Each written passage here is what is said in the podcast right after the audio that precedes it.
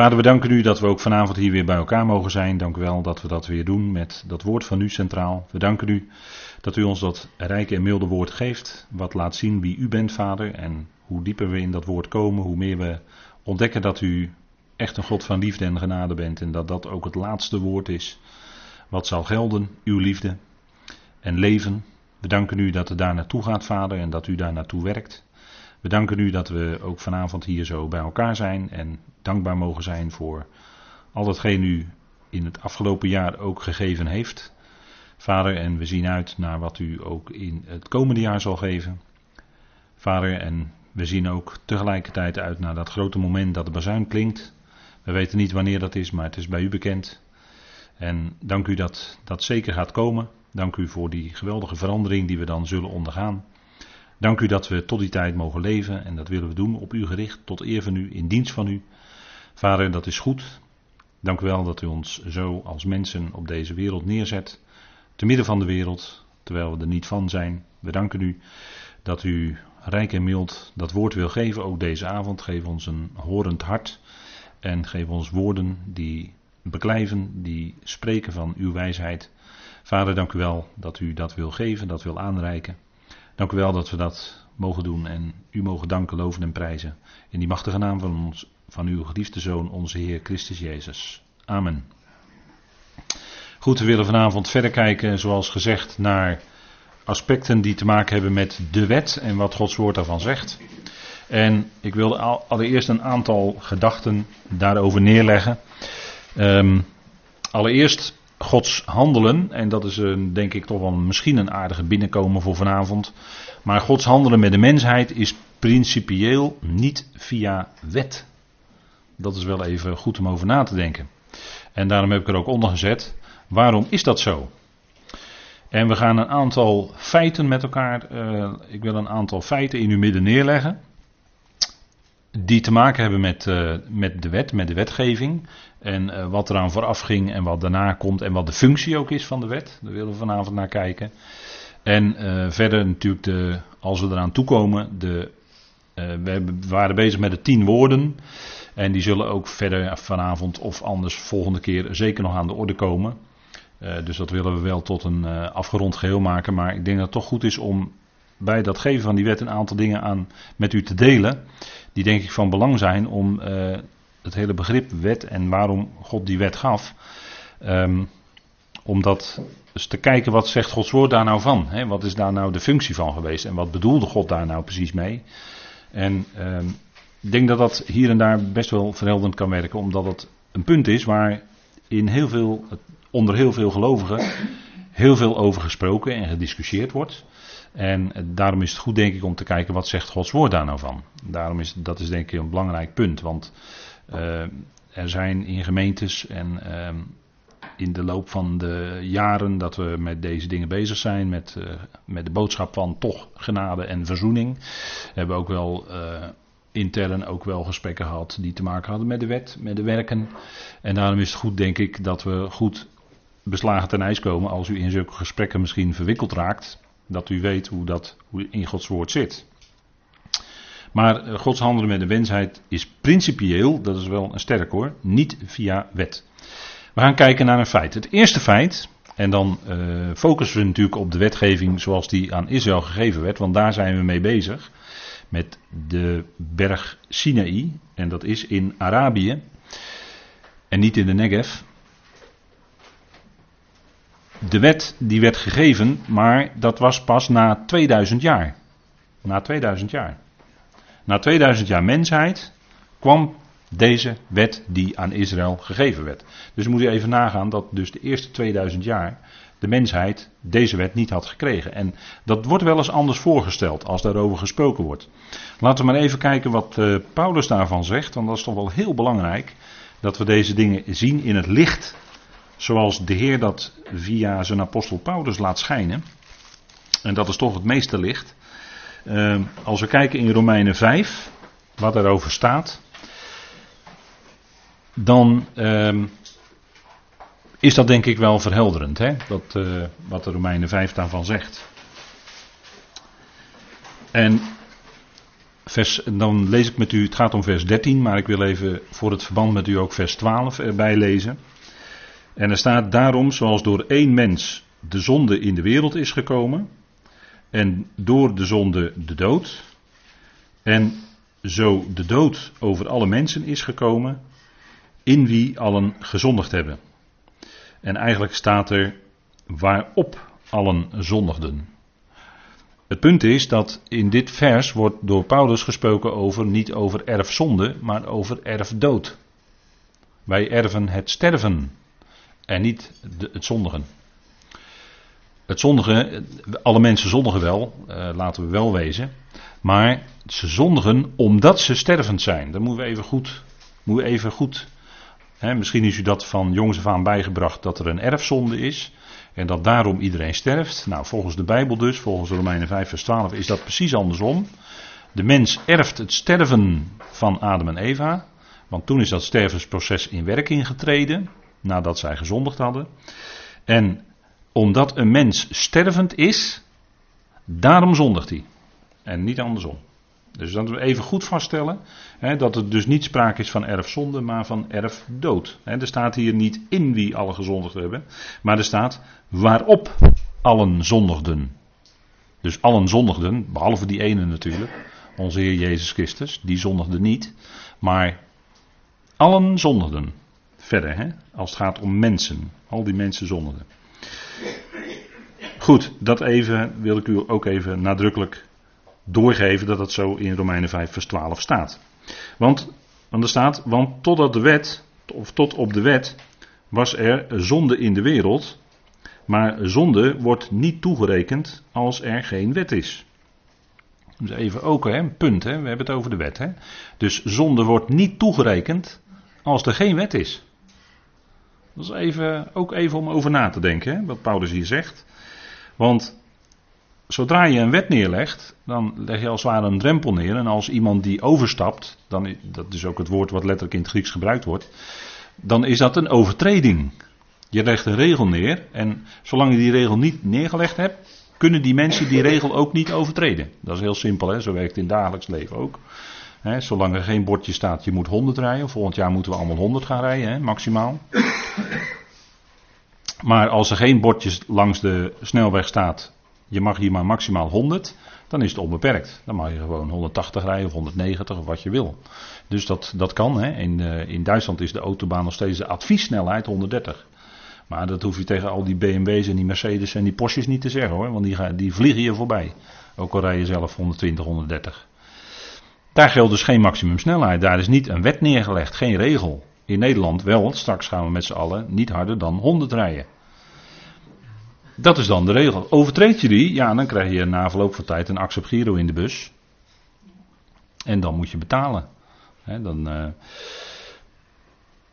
dan, dat komt omdat je die regel hebt overtreden. Dan heb je een overtreding begaan, omdat die regel door de overheid gesteld is.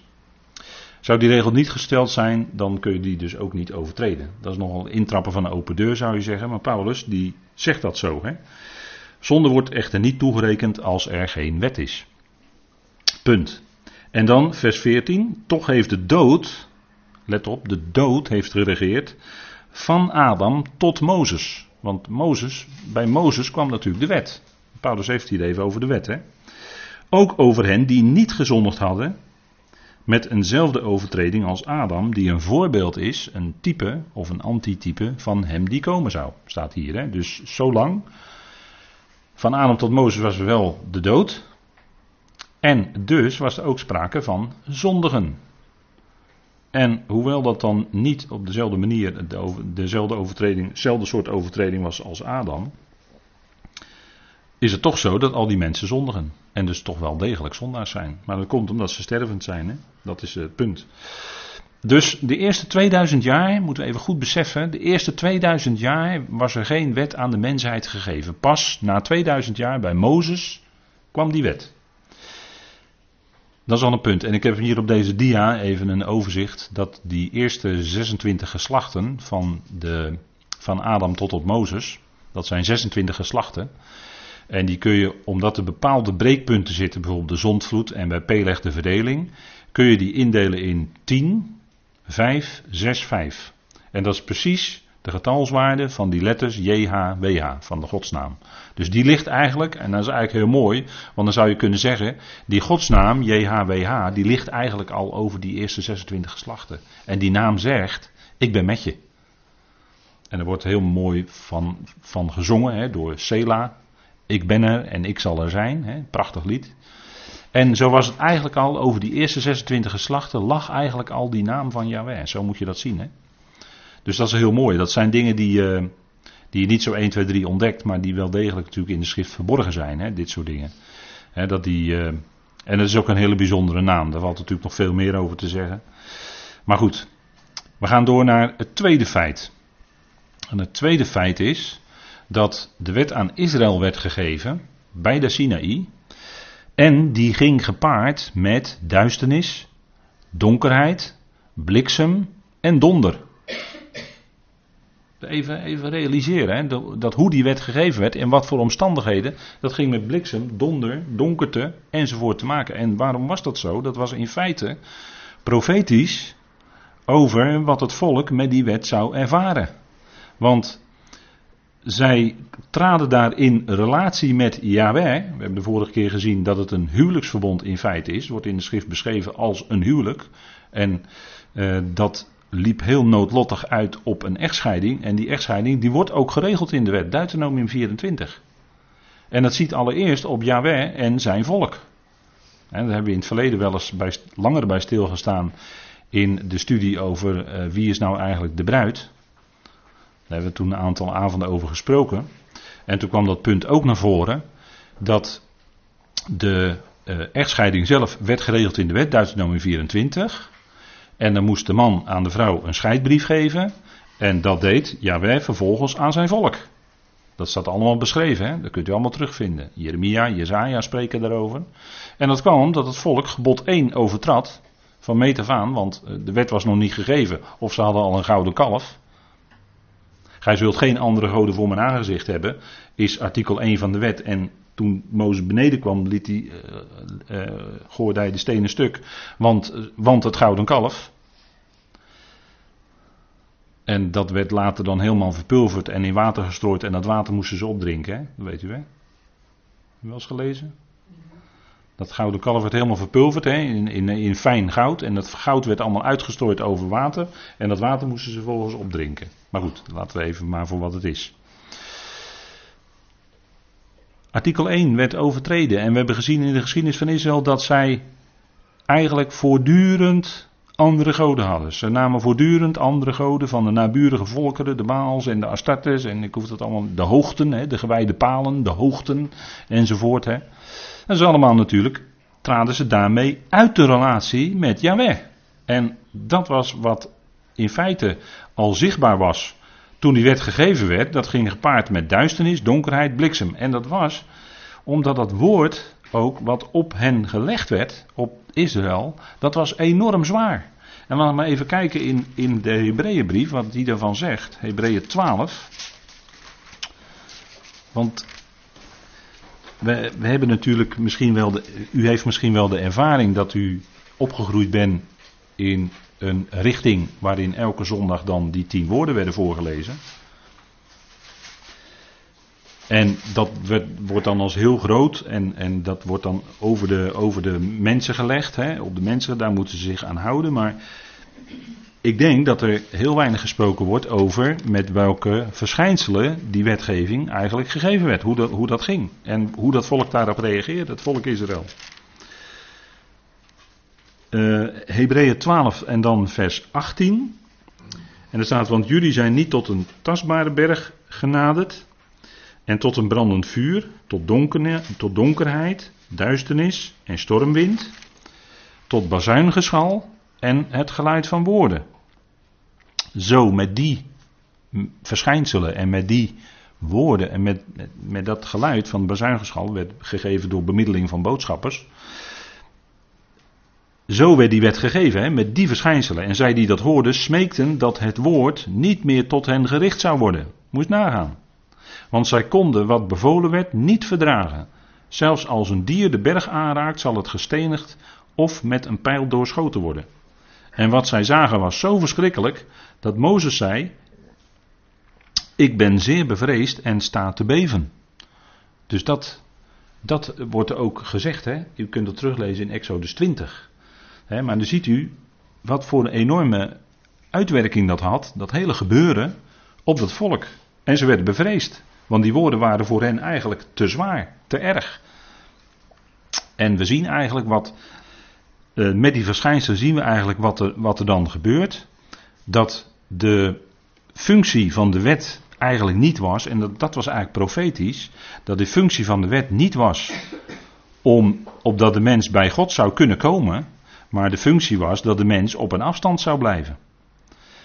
Het bracht de mens geen vrede. Het bracht geen zekerheid, want in de praktijk blijkt, en dat is het menselijke vlees, en dat moest ook blijken natuurlijk, dat is het menselijke vlees. Het vlees onderschikt zich niet aan de wet van God. En dat kan het ook niet, zegt Paulus in Romeinen 8 later. Hè? Het vlees kan het ook niet. En dat moest aangetoond worden. Maar dus het was niet helemaal niet om dat de mensen dan zouden houden en dat ze dan dicht bij God zouden kunnen komen. Dat was de functie van de wet niet.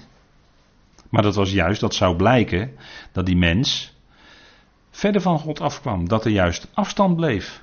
Uh, kijk maar naar de hele de tabernakeldienst, waar we misschien ook nog in de toekomst over kunnen spreken. Maar de tabernakeldienst, dat lijkt te zeggen dat de mens toenadering kan krijgen tot God. Maar in feite zegt die hele tabernakeldienst dat de mens op een afstand moet blijven van God. Want er zitten wanden tussen. En alleen de priesters en de levieten mogen komen in, in het heilige. En alleen de hoge priester mocht één, één keer per jaar komen in het heilige der heiligen. Dat spreekt eigenlijk allemaal van afstand. Iedereen moest op een afstand blijven. En dat was ook de, wat, wat uh, Paulus zegt in 2 Korinthe 3. Het is een bediening van de dood. Het is geen bediening van leven, maar het is een bediening van de dood. Dat, zegt, dat zeg ik niet, maar dat zegt Paulus in 2 Korinthe 3. Hè? En dat bleek ook al toen die wet gegeven werd. Want ze mochten niet bij, dicht bij die berg komen. Ze mochten die berg zelfs niet aanraken op straffen van de dood. En daarin zie je al wat voor een bediening het is. Dus dat mensen daar dan altijd heel positief over spreken. Ja, het zijn toch goede leefregels om je aan te houden. Ja, maar het punt is dat Paulus zegt: kijk, dat vlees van de mens is niet in staat om zich, daar, om, om zich daaraan te kunnen onderschikken. En als je nou elke week weer die wet hoort voorlezen, dan, denk je elke week weer. Ja, afgelopen week is weer niet gelukt om, om aan alle tien die leefregels te houden. Weer niet gelukt. Nee, maar dat is ook precies wat de wet bij je bewerkt. Dat jij je schuldig gaat voelen en ten neergedrukt, want jij hebt er weer niet aan voldaan. En denk erom dat het, hè, ik gebruik ook dat woord niet, hè, dat, hoort u me zeggen, dat is ook wat de wet zegt. Hè. Als je kijkt, die, die laatste geboden, die, die is allemaal niet, niet, niet. In plaats van positief de ander liefhebben. Want daar gaat het eigenlijk om in de wet. Dat we naast de lief hebben als onszelf. Want daar, daarin kun je eigenlijk die hele wet samenvatten. Maar is de mens uit zichzelf in staat om die ander echt lief te hebben? Nee. Want het vlees. En de manier waarop het wel kan, is als die geest van God in je komt en die gaat werken. Ja, dan. Maar dat is, dan ben jij het dus niet meer. Maar dan is het die geest van God die in jou werkt. Dat is het punt. Maar goed, we gaan nog wel even naar wat meer uh, punten kijken. Feit nummer drie. De wet is in rijkwijde en tijd beperkt. En ik heb er op deze dia bijgezet. De wet is in rijkwijde tussen haakjes Israël. De wet werd aan Israël gegeven. De wet werd aan Israël gegeven. De wet is nooit aan andere volkeren gegeven. Ze werd ook aan het hele volk Israël gegeven. Als volk. Hoe we ook even beseffen. Het eerste artikel zegt het ook, dat jullie zijn uitgeleid uit het diensthuis Egypte. Ik heb jullie uitgeleid uit Egypte, uit het diensthuis van slavernij. Dat, wordt, dat geldt natuurlijk voor het hele volk. Dus die wet wordt tegen het hele volk gelegd. Of tegen het hele volk gezegd. Dus de rijkwijde is beperkt. En bovendien is ook nog eens de tijd beperkt. Hè. Daarnet hebben we al gezien, pas na 2000 jaar kwam die wet. En we zien dat met het vervullen van de wet door onze Heer eigenlijk die wet, de, de periode van de wet ook ten einde was. Maar ze blijft nog wel in het evangelie van de besnijdenis en ook in de komende duizend jaar. Heeft die wet nog wel een functie. Maar als we even met elkaar lezen in Galaten 3, dan zien we dat Paulus dat ook zegt in de gelaten brief. Dat de wet zowel in rijkwijde als in tijd beperkt is.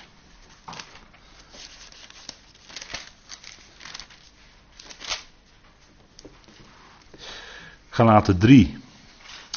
En dan lezen we even vanaf vers 23. En er staat, voordat het geloof echter kwam, werden wij door de wet bewaakt. Als gevangenen opgesloten. Totdat het geloof geopenbaard zou worden. En het geloof wordt hier natuurlijk mee bedoeld, het geloof van Jezus Christus. En dan zegt Paulus, zo is dan de wet onze leermeester of onze kindergeleider geweest tot Christus, opdat wij uit het geloof gerechtvaardigd zouden worden. Dus hier zien we al een tijdbeperking. Hè? De wet is een kindergeleider geweest, zegt Paulus, tot Christus. En dan zegt hij ook nog eens een keer onze, en daarmee bedoelt hij Israël met zichzelf erbij ingesloten. Hij heeft het niet hier over de natieën. Dat kon hij ook niet zeggen, want die wet was niet op de natie gelegd. Dus hij zegt hier, het was een kindergeleider tot op Christus. Dus in tijd was het ook nog beperkt. Opdat wij, en dat zijn dan de medegelovigen met Paulus, en allereerst natuurlijk zijn medegelovigen uit het Joodse volk, opdat wij uit het geloof gerechtvaardigd zouden worden. Dus uit geloof. Niet uit de werken van de wet. En dan zegt hij, want jullie zijn allen zonen van God door het geloof in Christus Jezus. Een zoon van God, dat ben je. Dat ben je. En dat werkt zich vervolgens door de geest van God, dat is ook de geest van het zoonschap. Die hebben we ontvangen, waardoor we roepen Abba Vader. Maar door die geest van God kunnen wij ook daadwerkelijk dat zoon zijn uitleven. En blijkt het en in hoeverre het blijkt in de praktijk, dat is voor iedereen verschillend. Dat weten wij niet. En je kunt niet zo 1, 2, 3 zien aan een medegelovige.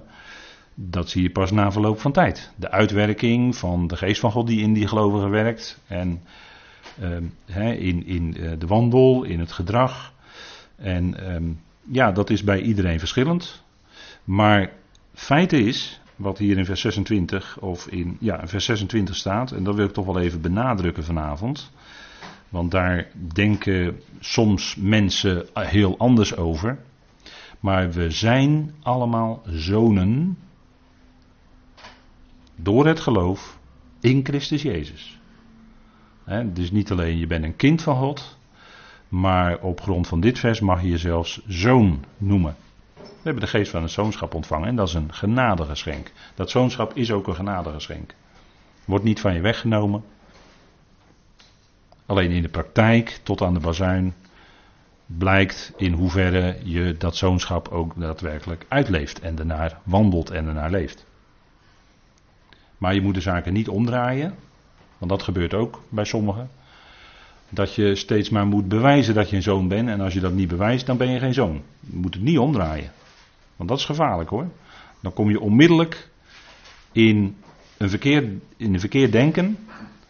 Um, want je moet uitgaan altijd bij God van zijn liefde en van zijn genade. En als hij ons een genadegeschenk geeft, neemt hij dat niet terug. Dus dat zoonschap van ons neemt hij niet terug. Dat zijn we in genade. En genade wil zeggen zonder verdiensten. Alleen het punt is natuurlijk wel, verder strekken we ons uit om dat zoonschap ook daadwerkelijk uit te leven. Maar goed, het ging erom dat die wetgeving of die wet die aan Israël gegeven was, is zowel in rijkwijde, het volk Israël, als in tijd beperkt. Dus dat is ook goed om te zien. Hè?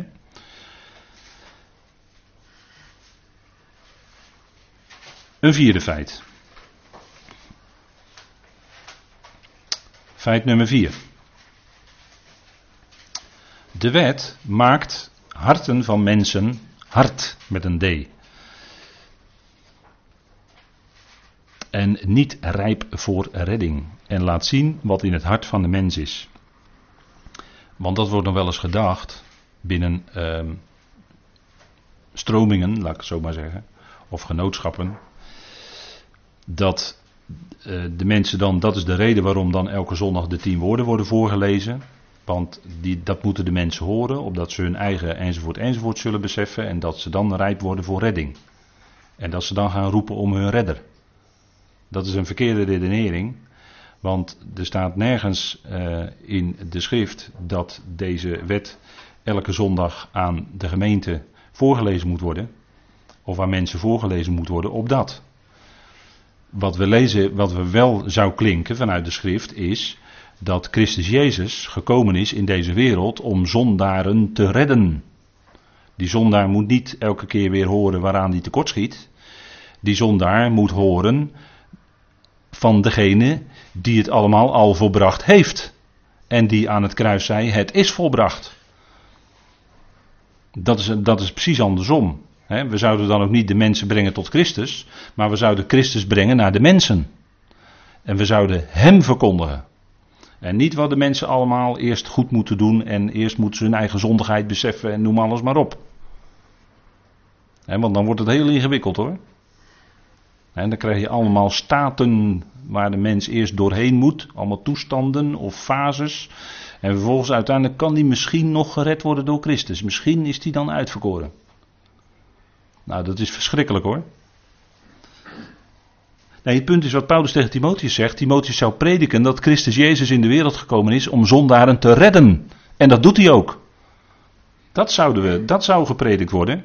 En, want dat is echt goed nieuws. Dat hij is gestorven naar de schriften, dat hij is begraven naar de schriften en dat hij ook op de derde dag is opgewekt naar de schriften. Dat zou gepredikt worden. En dat zouden de mensen horen, dat ze zelf niets hoeven te doen, maar dat ze God eenvoudig kunnen danken voor de genade die Hij in Christus al geschonken heeft. Dat is het punt. De mensen zouden beginnen met danken. En niet met zuchten van, och, mocht het ooit eens komen staan te gebeuren. Want dan ben je, dan, inderdaad, dan word je een ellendig mens van. Dat zegt Paulus toch ook in Romeinen 7 dan, dan hoef je niet in het zwart te gaan vanwege de vijandsonderdrukking en zo. dat, dat zeg ik allemaal niet om me af te zetten tegen, maar dat zeg ik omdat ik daar heel veel verdriet over heb. Dat ik dat hoor en zie en, en dat mensen gebukt gaan onder terwijl het evangelie juist zo geweldig is. En dat, dat ze dat goede nieuws eigenlijk zouden moeten horen. Dus het maakt de, harten, de wet maakt de harten van de mensen niet rijp voor redding. Kijk maar, mensen die hun leven lang onder de wet leven, die kringen, die mensen zijn kei en keihard. Hoe meer ze onder de wet zijn, hoe zwaarder, hoe harder ze zijn. Dat, dat is echt zo hoor. En uh, het laat ook zien wat in het hart van de mens is, maar het punt is, het evangelie laat zien wat in het hart van God is. En dat zouden we zien. In het hart van God is niet veroordeling, maar is genade. Dat is uiteindelijk de diepste grond van alles. Gods liefde en de hoogste vorm van liefde is dat hij zijn genade geeft. Daarom benadrukken we dat nog maar eens een keer. En misschien zegt u wel ten overvloede. Nee, die, dat is de boodschap die zou klinken nu. Daar moeten we van uitgaan. Van Gods genade. En daar kan je nooit te, nooit te groot van denken. En hoe ouder je wordt, hoe meer je denk ik gaat beseffen dat het echt genade is hoor, dat je gered bent. Echt genade. Dat is echt niet, niet iets van jezelf is. Absoluut niet. maar dat is, dat is uh, geweldig, hè? Wat, wat die, die boodschap die, die, we, die we hoog hebben staan en die blijven we, die blijven we doorgeven. Hè? Dat is ook een feit. Nou, het evangelie van God in Romeinen, dat is feit nummer 5, is gebaseerd op het falen van de wet. Waarom kwam dat evangelie van God naar voren in Romeinen? Nou, dat was om de wet, omdat de wet natuurlijk aan alle kanten faalde. En natuurlijk, de wet, de wet is in zichzelf heilig en rechtvaardig en goed en de wet is geestelijk. Maar het falen van de wet zit erin dat, dat het zwak is door het vlees van de zonde. De wet is zwak door het vlees. Het blijkt dat het vlees niet in staat is om zich aan die wet te houden. En dat is het punt. En, en dat, maar, dat is een enorme demonstratie die God daarmee liet zien. Door, zijn, door middel van zijn eigen volk. Hij legde die wet op dat volk. En kijk eens wat er dan gebeurt. Is niet dat het een, een geweldig eh, volk werd vervolgens, maar het werd een volk wat aan alle kanten de wet overtrad, uh, God ermee krenkte, zondigde aan alle kanten. Dat bleek. En dat was ook precies de bedoeling. Ja, we praten over, kijk, en als we dan praten over bedoeling, dit is nou Gods bedoeling. Die demonstratie legt de wet op de mensen en ze kunnen hem niet houden. Het wordt alleen maar erger. Het dringt de zonde niet terug, maar het wordt alleen maar erger. Je maakt er alleen maar ergere overtreders van. En dat was Gods bedoeling ermee. Dat die mens dus, dat, dat zijn volk dus, inging tegen die geopenbaarde wil van God. Dat was de wet. En ze gingen daar dwars tegenin. En de bedoeling van God ermee was om aan te tonen, niet dat, niet dat die wet in zichzelf verkeerd is, maar dat de, de zonde zit in het vlees van de mens, daardoor is het vlees zwak en kan hij zich niet aan die wet houden. Dat liet God daarmee zien. Nou, die demonstratie is al een paar duizend jaar geweest. En dat is denk ik toch dan wel uitgebreid gedemonstreerd geworden als we de schriften lezen, hè, als we het nacht lezen. Hè, dat is denk ik wel heel erg duidelijk. En niet dat wij met ons vingertje kunnen wijzen naar het volk Israël hoor. Van kijk die is. Want we zijn zelf precies één mens, net zoals zij. Dus we, hebben wat dat betreft ook helemaal niks te vertellen. dat, gaat natuurlijk absoluut niet. Dat heb je trouwens ook onder de wet. He. Mensen die onder de wet leven of heel erg bezig zijn met levensheiliging, die gaan al heel snel naar elkaar kijken. En dan is de ene is al iets verder, is al iets beter dus. Die staat al op een iets hoger trappetje dan de andere. En die kan een beetje naar beneden gaan. Ja, die andere is nog niet zo ver. Dat krijg, je, dat krijg je allemaal in die situatie, hè? Ja, zo, zo werkt het echt in de praktijk hoor, in die kringen. Dat, dat is echt zo. Het punt is dat het evangelie van God is dus gebaseerd op het falen van de wet. Want dat kan, kunnen we zien bij feit nummer 6. Dan gaan we nog even een stapje verder. Want Paulus die heeft in de Romeinenbrief echt wel wat te zeggen hoor. Romeinen 3. En laten we dat even met elkaar opzoeken. En die komst van de Heer markeerde in feite het einde van het beheer van de wet. En dat de wet op zich in zekere zin toch nog wel bleef, is wat anders. Maar het beheer van de wet eindigde daarmee. Romeinen 3.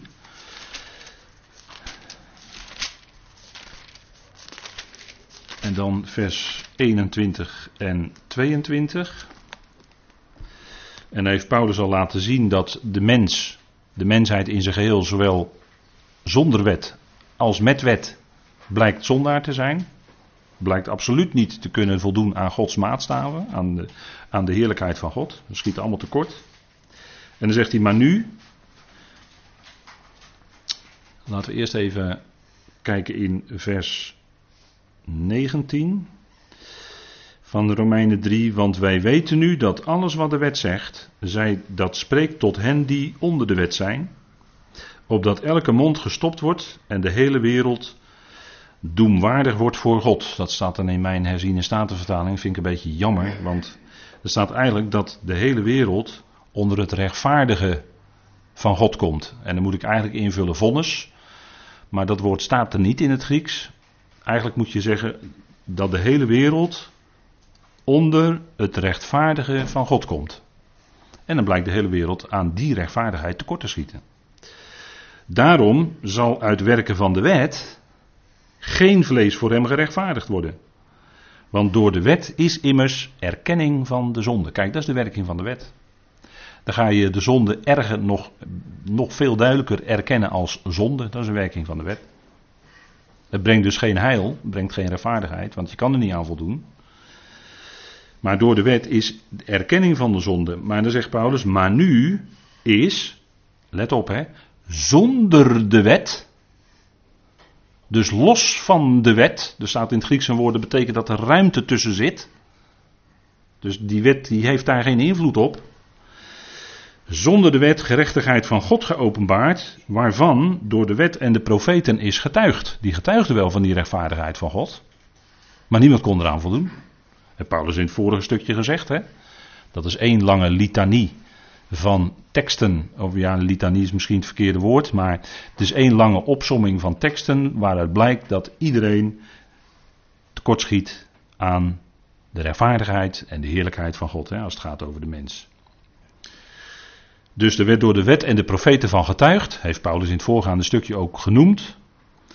En dan zegt hij gerechtigheid van God door het geloof van Jezus Christus. Als het nog in uw Bijbel als in staat, moet u het doorstrepen en er heel snel van van maken, want dat staat in het Grieks, tweede naamval. dat is de genitief, hè? tweede naamval staat er. Kun je niet vertalen met in. Iedereen die Grieks kent en je legt het voor, die zegt ja, moet je vertalen als geloof van Jezus Christus. En even verder gaat het over het geloof van Abraham. So, what's the difference? Nou, twee, het zijn twee verschillende mensen, maar het is allebei geloof van. Dat is de overeenkomst. Dus dat is, dat is heel makkelijk binnentikken dan hoor. Het geloof van Jezus Christus. En dat is tot in allen. Jawel, hier klinkt het al. Tot, dat is tot in allen. En op allen die geloven. Dat wil zeggen, die, die rechtvaardigheid van God, die wordt nu toegerekend of uh, verklaard. Al die gelovigen nu worden rechtvaardig verklaard. Die komt dus op allen die geloven, nu.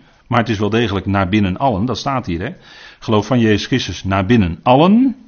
En dan komt Paulus dan in Romeinen 5 op terug. En dan zegt hij, en komt nu op allen die geloven, want er is geen onderscheid. Voor God is iedereen gelijk. En al die mensen die vallen onder zijn liefde. En daarom zal hij ook allen rechtvaardigen. Want, de onderliggende reden is, want allen zondigden en missen de heerlijkheid van God. Zij konden niet toekomen aan de heerlijkheid van God.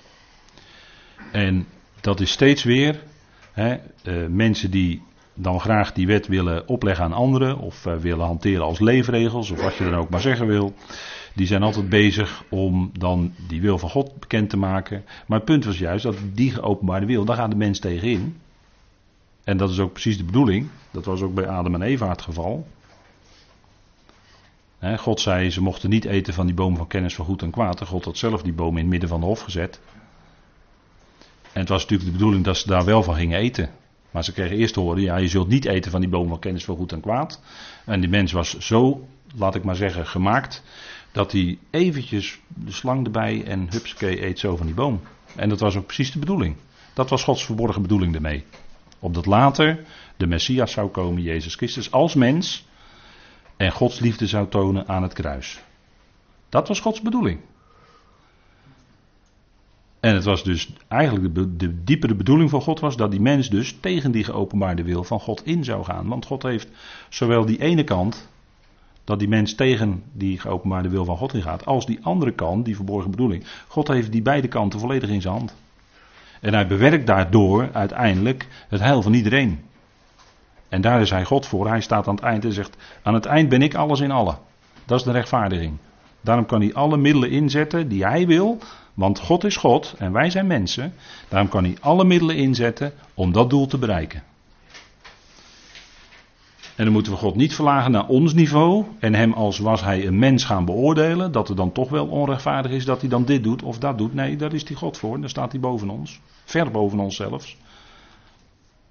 En we kunnen God dus niet naar ons niveau halen. Hè? En dan, natuurlijk heb je vragen als mens, als gelovige, en die hebben, we nog steeds. Nou, ik ben ervan overtuigd dat er een antwoord op komt op die vragen. Misschien niet in dit leven, maar later gegarandeerd.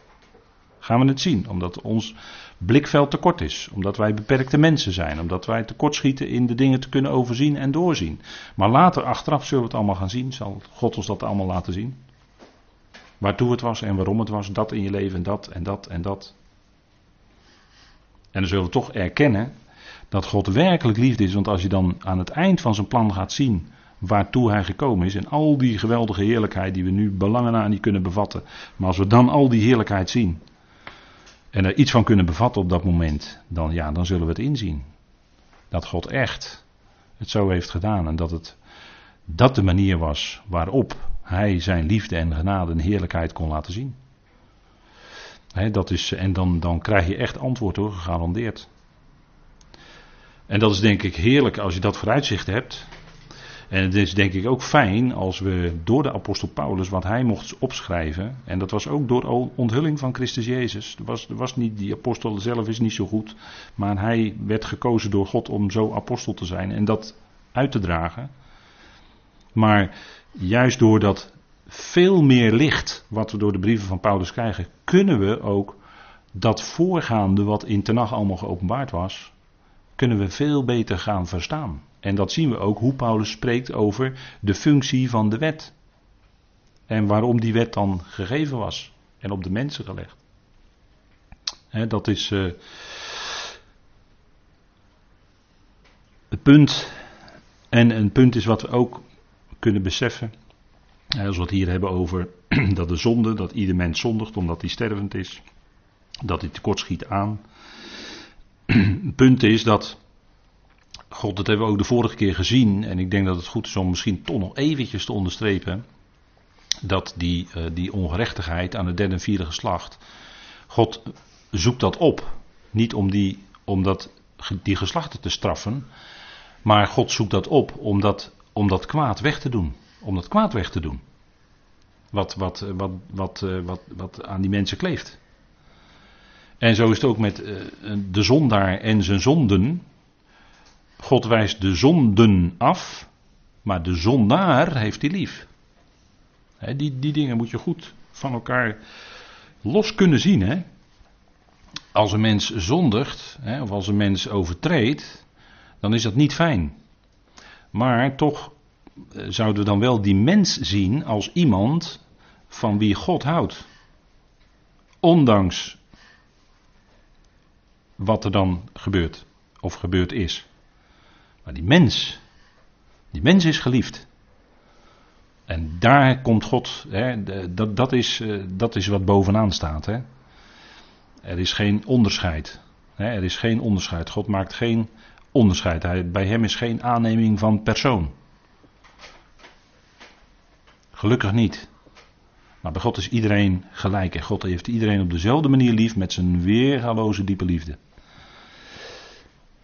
Goed, we gaan even terug naar de tien woorden. En dan lezen wij Exodus 20 en dan het twaalfde vers. Daar waren we inmiddels aangekomen. En dan staat er: Eer je vader en je moeder, opdat jullie verlengd worden. Ik heb het op deze dia even uitgeschreven. Maar u kunt het ook voor uzelf even opzoeken in de schrift, in Exodus 20. Eer je vader en je moeder, opdat jullie dagen verlengd worden op de grond, de grond die Yahweh, jullie Elohim, jullie geeft. En dan staat er eigenlijk dat het woord grond, dat heb ik bewust even zo vertaald.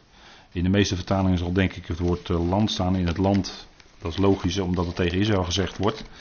Uh, maar eigenlijk staat de grond, hè, staat niet het woord land, dat zou Eretz zijn, maar in het Hebreeuws staat er eigenlijk Adama. Dat is de bovenste laag van de aarde waaruit Adam en Eva genomen werden. die bovenste laag klei, zeg maar, waar God de mens uit formeerde. dat woord staat er dan. Adama. Die Yahweh, jullie Elohim, jullie geeft. En in Efeze 6, vers 2 en 3 wordt dat ook aangehaald. Als Paulus dan spreekt over kinderen, wees jullie ouders gehoorzaam in de Heer.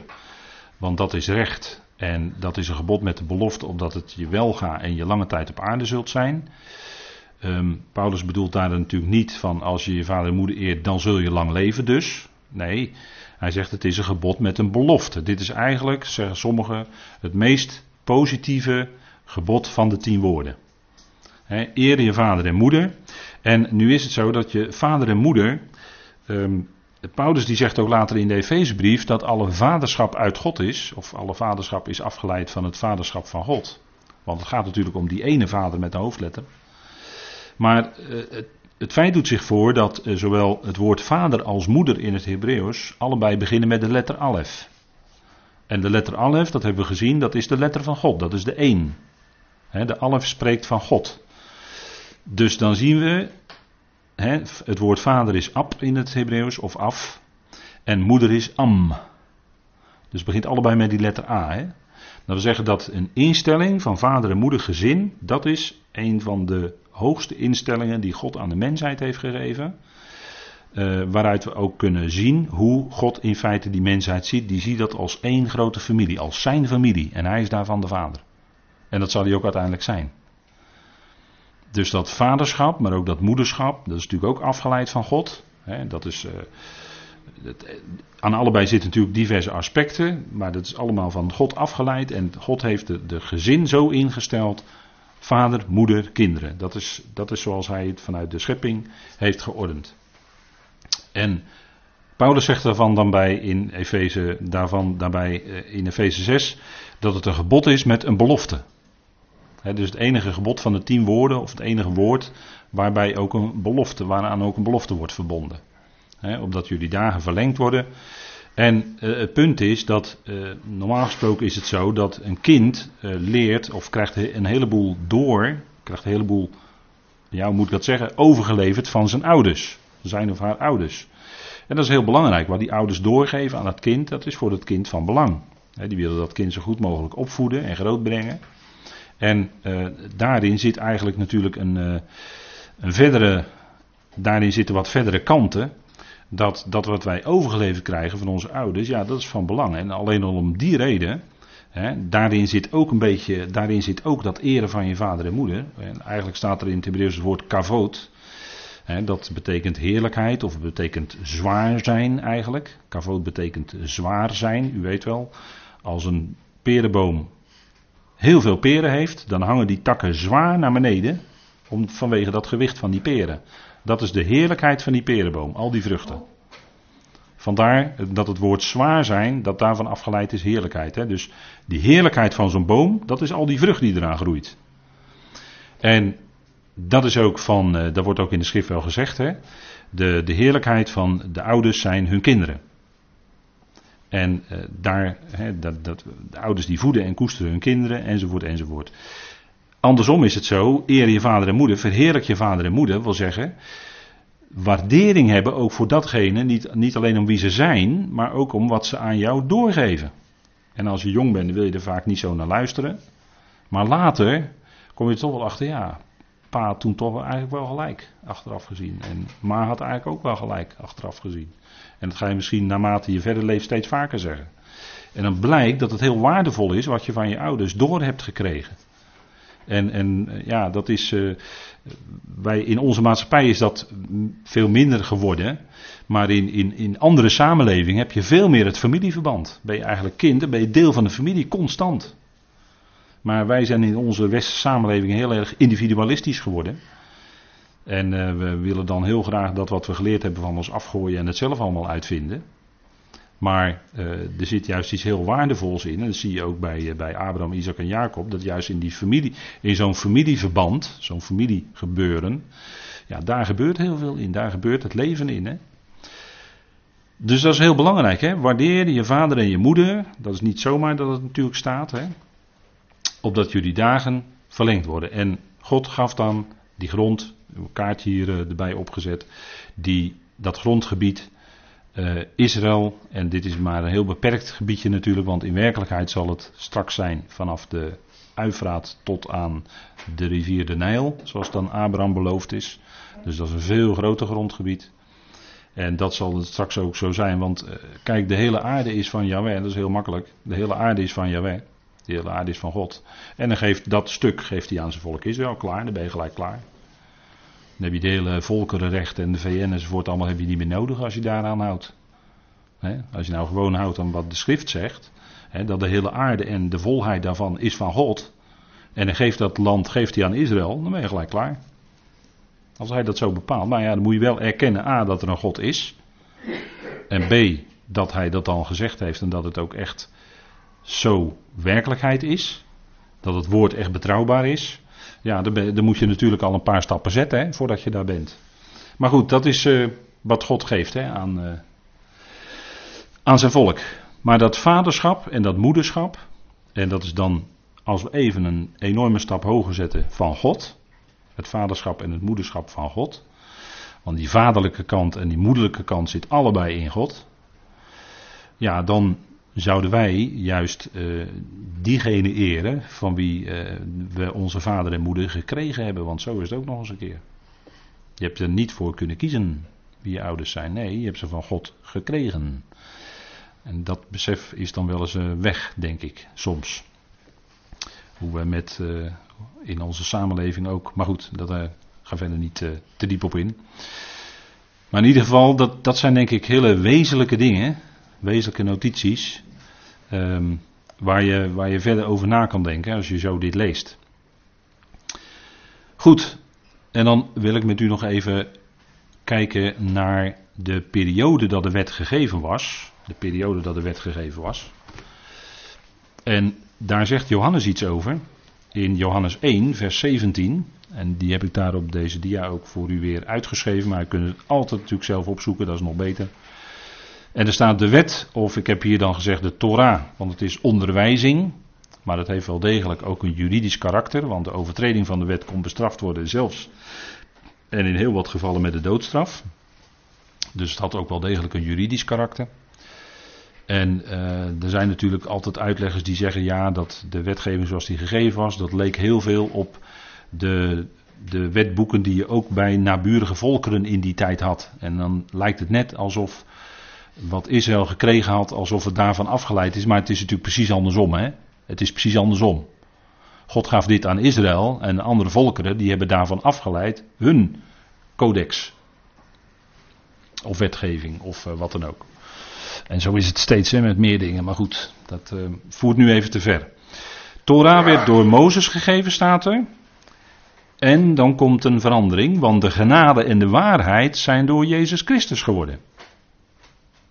En wat betekent dat dan, zegt u? Is dit een nieuwe bedeling of een nieuwe periode van beheer? Ja, inderdaad, dit is een nieuwe periode van beheer. Maar die zijn er wel meer geweest. En daar moeten we ook even onderscheid in maken. En hier is aanwezig het boekje van broeder Nog, de kalender van God. De kalender van God. En daarin worden ook die keurig netjes en in het midden van het boekje wat door de gemeente Ebenezer is uitgegeven. In het midden ziet u keurig de kalender van God en dan ziet u twaalf periodes van beheer. En dan ziet u dat deze periode van beheer, die wordt dan genoemd de incarnatie, hè, of de vleeswording van het woord. Hè, het woord is vlees geworden, zegt Johannes. En het heeft onder ons gewoond, heeft onder ons getabernakeld, staat er dan hè, eigenlijk. Wordt het woord tent gebruikt door Johannes. Het woord is vlees geworden, het heeft onder ons gewoond, getabernakeld, getent. En ze hadden ook zijn heerlijkheid gezien. En Johannes die knoopt dan aan in Johannes 1 bij Tenach. En dan zegt hij in het begin was het woord. Hij knoopt aan dus bij het woord. En dat was natuurlijk bij Israël, dat is het volk van het woord. Het volk van het boek. Volk van de Torah. Nog steeds vandaag aan de dag. Hè. U ziet het er ook op die foto. Hè, bij Bar Mitzwa, bij de klaagmuur, dat heb ik wel eens gezien. Dat is geweldig als je dat ziet. Kunnen ze zo een hoofdstuk in het Hebreeuws zingen doen ze eigenlijk. Hè. Ze zingen de Torah. Ja, van Gods woord ga je ook zingen, daar ben ik het wel mee eens eigenlijk. Ja. Maar zij zijn het volk van het boek. Dus Johannes zegt, in het begin was het woord.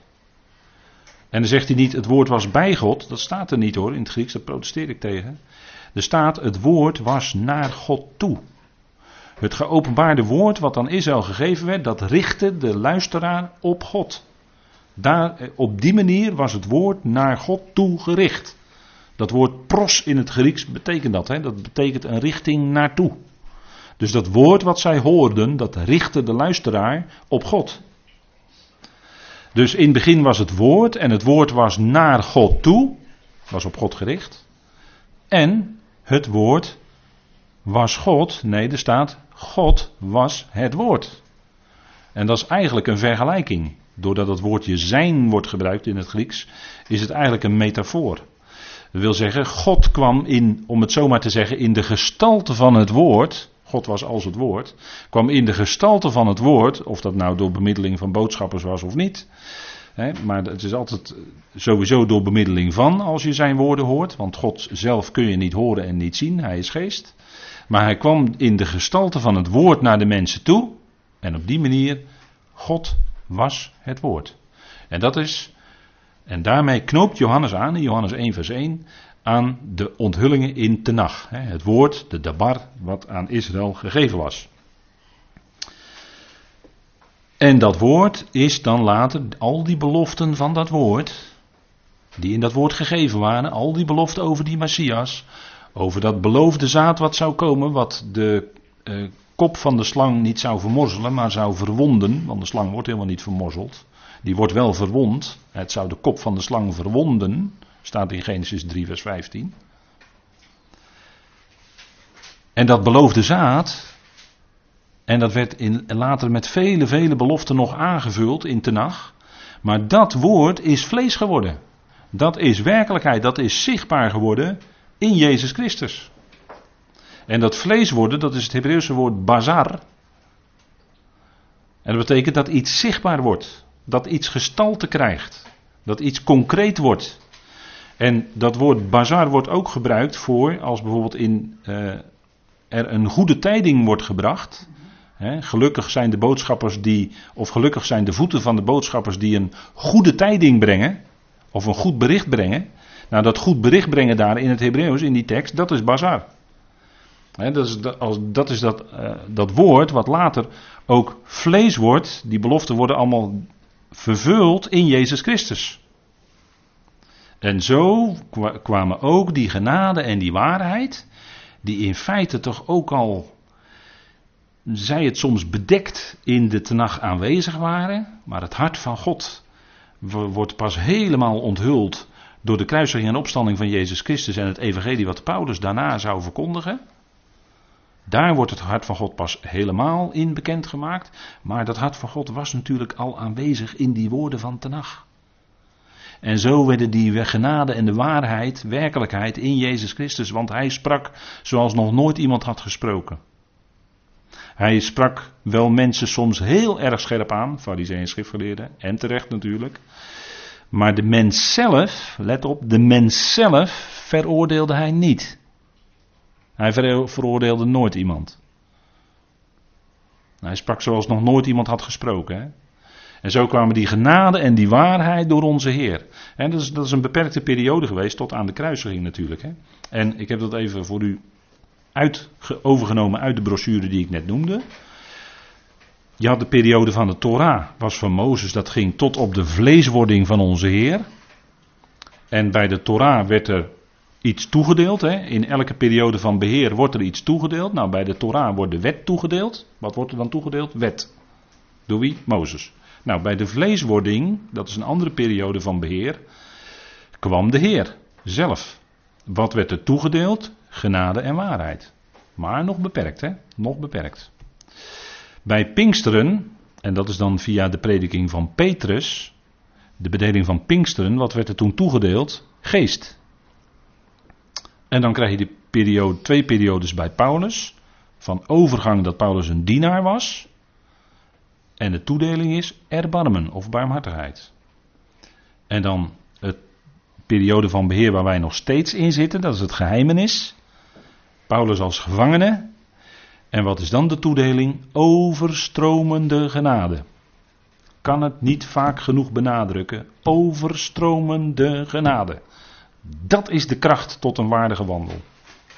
En dat is het geweldige waar we nu in leven. Wij leven in genade. Dat is ons leefklimaat. Absoluut. Gelaten brief, hè? Dat is, dat is, per, dat is, eh, dat is, dat is uh, daar, daar persisteren we bij. Paulus doet dat in de gelaten brief. Wij zijn geredden, wij leven als gelovigen, ons leven in genade. En niet in wet. Want dat is het hele punt in de gelatenbrief. Dat is hoe je leeft als gelovige. Niet hoe je gered wordt, nee, hoe je leeft als gelovige. Dat is in genade en door zijn genade en door de kracht van zijn geest.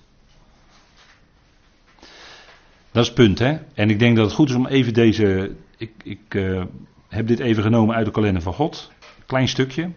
Om even u te laten zien welke periodes van beheerder achtereenvolgens zijn geweest en wat er dan toegedeeld wordt. Hè. Dat moet je toch onderscheiden voor een goed scherp zicht op de schrift en zeker die ontwikkeling die we zien in handelingen van Petrus naar Paulus. Goed, we zullen even met elkaar een pauze houden en dan gaan we daarna weer verder.